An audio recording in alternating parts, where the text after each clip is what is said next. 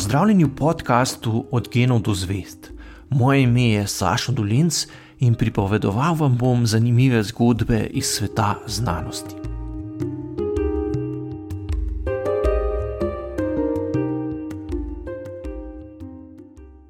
Milan Vidmar je bil gotovo eden najpomembnejših slovenskih izobražencev v prvi polovici 20. stoletja.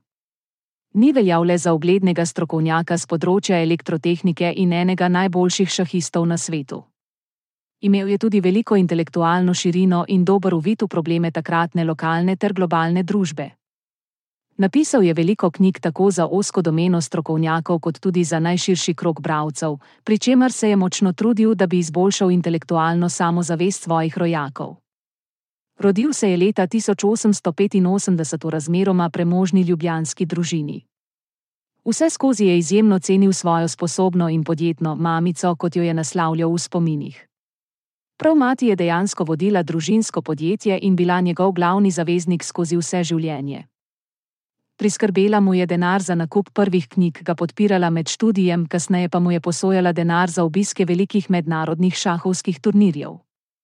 Družina Vidmarjevih se je, ko je bil Milan še majhen, preselila v hišo z velikim vrtom na Zvonarski ulici pod Ljubljanskim gradom. Kot se je spominjal, so bile takrat prule za otroka en velik nepregleden travnik, na katerem se je lahko brezkrbno igral. Ljubljana je bila ob koncu 19. stoletja bistveno manjša, kot je danes, in tudi bistveno bolj zanemarjena. Ker je imel Milan deloma paralizirano roko, je bil vsaj glede svojega videza dokaj nesamozavesten, a je telesno hibo nadoknadil z bistrim umom in izredno dobrim spominom. Provincialna Ljubljana je zanj že v najstniških letih postala premajhna, zato se je odločil, da bo kljub temu, da je obiskoval osemletno gimnazijo, prečasno maturiral na sedemletni realki ker je bila matura zelo zahtevna, takšen podvig ni uspel še nikomor. Čeprav ga učitelji pri poskusu prečasnega zaključka šolanja niso podpirali, je vseeno ustrajal in uspel. Ko je maturiral, se je upisal na Dunajsko univerzo, kjer je leta 1902 začel študirati strojništvo. Čez pet let je diplomiral in pri 25 še doktoriral. Po študiju je služboval kot inženir v nekaj avstrijskih tovarnah električnih strojev, kjer si je z dobrimi idejami in znanjem hitro ustvaril ugled. Njegovo osrednje in v svetovnem merilu najbolj odmevno strokovno delo je debela knjiga Transformatorji, ki je leta 1921 išla pri ugledni berlinski akademski založbi, kasneje pa tudi v ruskem prevodu. Zase je trdil, da je skozi življenje peljal po dveh tirih. Strokovno se je udejstvoval na področju elektrotehnike, veliko časa in energije pa je posvečal tudi šahu, ki je bil zanj več kot le hobi. Šah je začel igrati s sošolcem že na gimnaziji med odmori. Sprva nista imela niti šahovskih figur, zato sta si šahovsko mrežo izrisala kar na papir, v polja pa svinčnikom upisovala figure.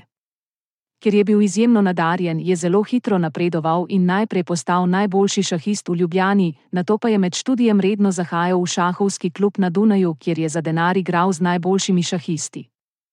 Kmalu si je z odmevnimi zmagami na mednarodnih turnirjih prislužil naziv vele mojstra, kot eden redkih amaterjev pa se je za več let povzpel celo med peščico najboljših šahistov na svetu. Na nekaj odmevnih turnirjih ga je uspelo premagati le takratnemu svetovnemu prvaku Kapablanki, kar je pomenilo, da je bil Vidmar tik pod svetovnim šahovskim vrhom. V svojih zanimivih spominih je zelo nazorno opisal trenutek, ko je izvedel, da se je rodila univerza v Ljubljani. Bil je ravno sredi napornih pogajanj s stavkajočimi delavci strojnih tovaren in livaren, v katerih je bil takrat ravnatelj. Ker je stavka trajala že dva meseca, je pokrajinska vlada za posrednika med delavci in upravo tovarne imenovala rudarskega glavarja Strgarja. V njegovi pisarni na Starem trgu so se sestali 31. augusta 1919, a se pogajanja nikakor niso premaknila z mrtve točke. Takole se je spominjal ključnega trenutka. Okoli 17. ure je prinesel v sobo služabnik najnovejšo številko slovenskega naroda in jo položil pred gospoda glavarja.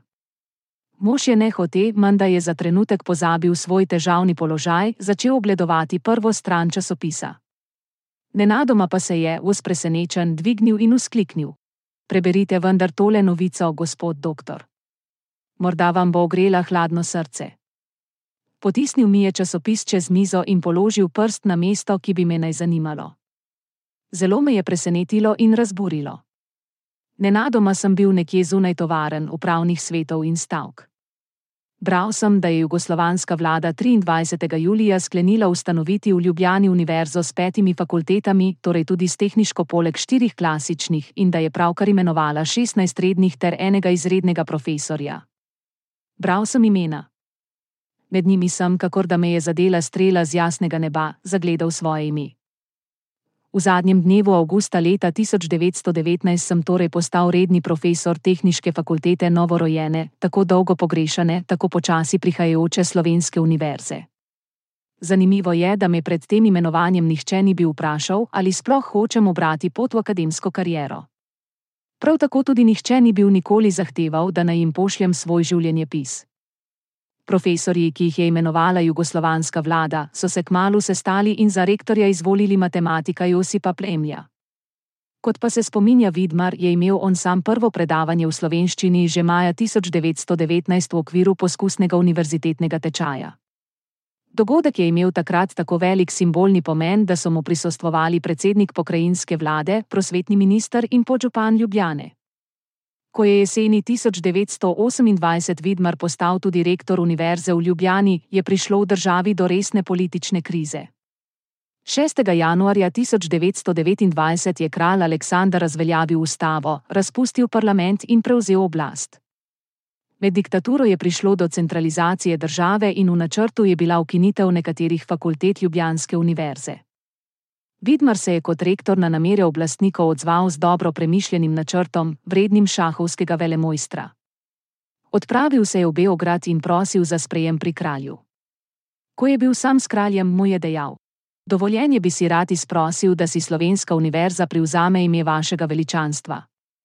Imenuje naj se Aleksandrova univerza. Ko je pridobil kraljevo naklonjenost, je vladarju predlagal, naj ne ukinejo teološke in medicinske fakultete, kot so načrtovali. Prošnjo je takole še dodatno utemeljil. Važno se mi zdi, da vzgajamo slovenske duhovne javno, tako rekoč pod nadzorom, na univerzi in ne v semeniščih. Ker je z intervencijo pri kralju rešil teološko fakulteto, so mu visoki cerkveni dostojanstveniki nekaj let kasneje vrnili uslugo. Čeprav je bil ateist, po takratnih zakonih nikakor ni mogel končati nesrečnega zakona z globoko verno ženo nemškega rodu, ki je ločitvi nasprotovala. Dolgo časa se je pravdal, a poroke mu nikakor ni uspelo razdreti. Ko je bil že povsem obupan, mu je takratni ljubljanski škof prijateljsko svetoval, naj formalno iz katoliške prestopi v pravoslavno vero. Ločitev je tako v Zagrebu sprovedel brez težav, priznana pa je bila tudi pri uradnih posvetnih organih. Vidmar se je na podlagi lastnih izkušenj iz mladostnega obdobja v Ljubljani zelo dobro spominjal, kako razširjen je bil med njegovimi rojaki v 19. stoletju občutek manj vrednosti. Tlačili so nas z ene strani nemški uradniki in obrtniki, z druge strani pa katoliški duhovniki. Kot pravi, so bili šele junaški boji naših partizanov med drugo svetovno vojno zdravilo, ki je silno udarilo po nekdanjih hlapčevskih strupih v telesu slovenskega narodiča.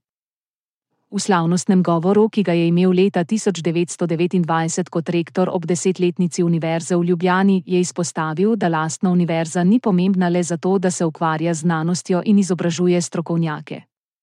Pomembna je tudi zato, ker v lokalnem jezikovnem in kulturnem okolju vzpostavlja skupne intelektualne vrednote in navade, ki so ključnega pomena za uspešno javno izmenjavo argumentov ter za normalno delovanje demokratične družbe.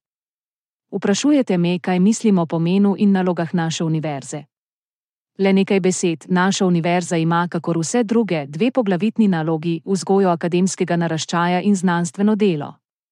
V tem trenutku pa je treba poudariti še nekaj. Ta univerza nam ni potrebna samo zaradi učenja in znanosti. Potrebujemo jo zato, ker je naša in ker ne more nobena tuja univerza dajati naši akademski mladini duha, ki ga daje naša. Gre tedaj za razlike duha, ne za razlike v znanosti in nje metodah. Naš akademski izobraženec mora tudi znanstveno misliti, govoriti in pisati po naše. Lahko vam ponovim to, kar sem dejal nedavno njegovem veličanstvu kralju. Vse težkoče, ki jih ima naša država, izhajajo iz tega, da je naše ljudstvo in zlasti naše akademsko izobraženstvo tako različnega duha.